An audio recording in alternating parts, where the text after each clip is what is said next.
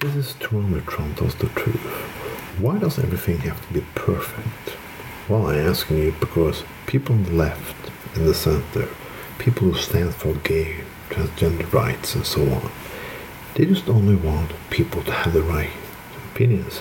They want people to be perfect, act perfect, talk perfect, don't say anything wrong, don't have any bad humor, or just asking questions. They have sometimes become the things they criticize. They don't be not, not very open-minded.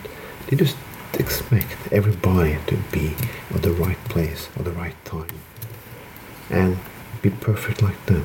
Think perfect, look perfect. Are they? They're more holier than the fucking Catholic Church. That's becoming a problem because most people are not very perfect. We're full of flaws, and we live a life 20, yeah, working life 20, 30 years. You do mistakes. You're probably in your relationship. You say stupid things, you do stupid shit. But not anymore. All these things can disqualify you. We have a society now where you can see the past very clear. You can always be quoted what you said 20, 30 years ago because people can find something and split online. That sometimes can destroy you. The person you were in 1990 can affect how people view in 2023. That's fucking bullshit. People should be more fucking open minded. I laughed a lot of things in the 90s that I can't laugh at now. Yeah, it was a different time, a different mentality. Was it right? No, maybe it was not. Did should we say it now? No, we should not. But again, it was a product of our time. Was a product of our experience.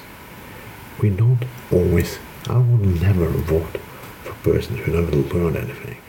It says if you have been 40 and don't have any regrets, you are a fucking psychopath. I totally agree. But if you're fucking young today and expect people to be perfect, to be like a holy, like like a Bernie Sanders kind of type, or always been like that, authentic all the time, you're gonna go for big disappointment because the society and the world is not like that. That's bullshit. You're gonna find out when you grow up and have a middle-aged crisis that you even you weren't perfect, and even you didn't say or do anything right. People are stressing today. They're not stressing for fighting the issue. They're stressing because are they perfect enough to fight them? Are people around them perfect enough to fight them? What you're doing ain't gonna end up. You're gonna fucking lose.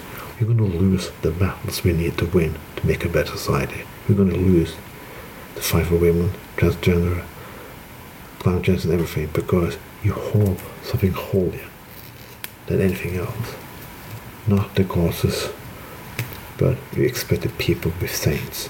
People are not saints. That was Tron, but Tron tells the truth.